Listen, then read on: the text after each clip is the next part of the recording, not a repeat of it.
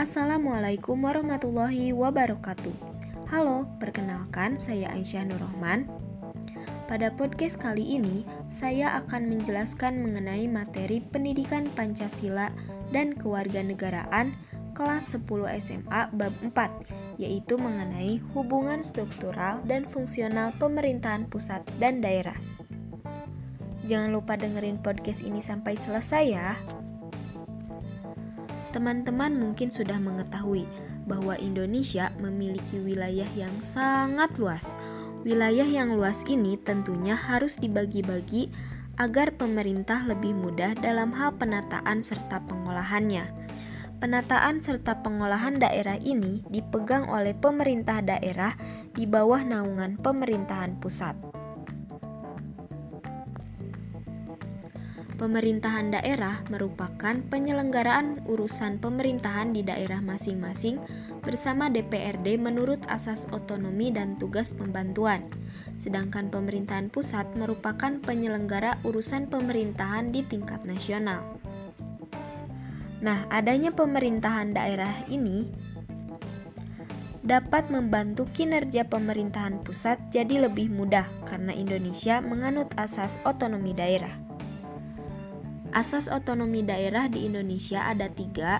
Yang pertama adalah desentralisasi, yang kedua dekonsentrasi, dan yang ketiga tugas pembantuan.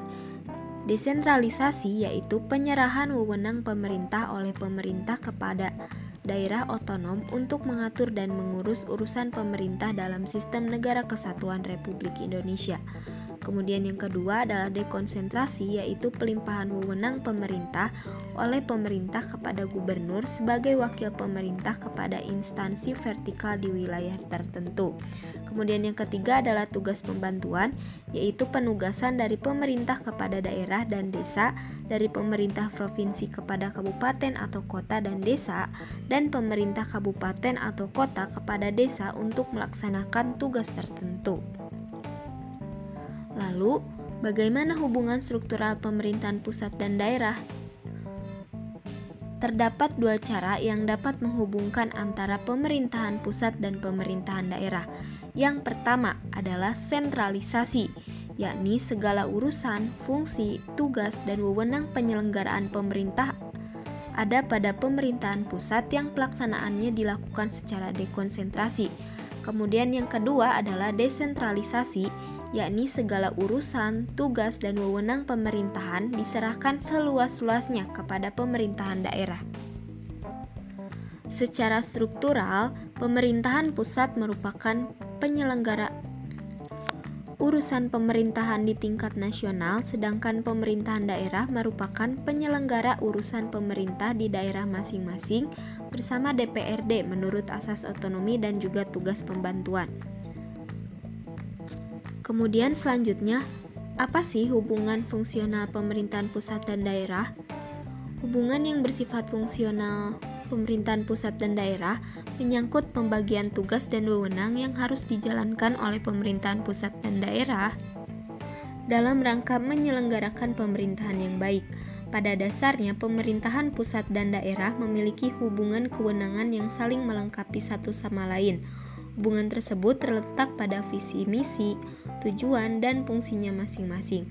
Visi dan misi dari kedua lembaga ini, baik di tingkat lokal maupun nasional, adalah melindungi serta memberi ruang kebebasan kepada daerah untuk mengolah dan mengurus rumah tangganya sendiri berdasarkan kondisi dan kemampuan daerahnya. Terdapat tiga faktor yang menjadi dasar pembagian fungsi, urusan, tugas, dan wewenang antara pemerintah pusat dan daerah. Yang pertama adalah fungsi yang sifatnya berskala nasional dan berkaitan dengan eksistensi negara sebagai kesatuan politik diserahkan kepada pemerintahan pusat, kemudian fungsi yang menyangkut pelayanan masyarakat yang perlu disediakan secara beragam untuk seluruh daerah dikelola oleh pemerintahan pusat, Kemudian selanjutnya fungsi pelayanan yang bersifat lokal melibatkan masyarakat luas dan tidak memerlukan tingkat pelayanan yang standar dikelola oleh pemerintahan daerah yang disesuaikan dengan kebutuhan serta kemampuan daerah masing-masing. Nah, jadi urusan pemerintah yang sepenuhnya tetap menjadi kewenangan pemerintahan pusat, biasanya yang menyangkut terjaminnya kelangsungan hidup bangsa dan negara secara keseluruhan. Urusan-urusan tersebut mencakup politik luar negeri, pertahanan, keamanan, justisi, moneter, fiskal nasional, serta agama. Nah, urusan pemerintahan daerah yang terdiri atas urusan pemerintahan wajib yang berkaitan dengan pelayanan dasar dan urusan pemerintah yang tidak berkaitan dengan pelayanan dasar dan pemerintahan lainnya. Sekian yang dapat saya sampaikan. Terima kasih telah mendengarkan podcast ini sampai selesai. Sampai jumpa di podcast berikutnya. Mohon maaf apabila terdapat kesalahan. Wassalamualaikum warahmatullahi wabarakatuh.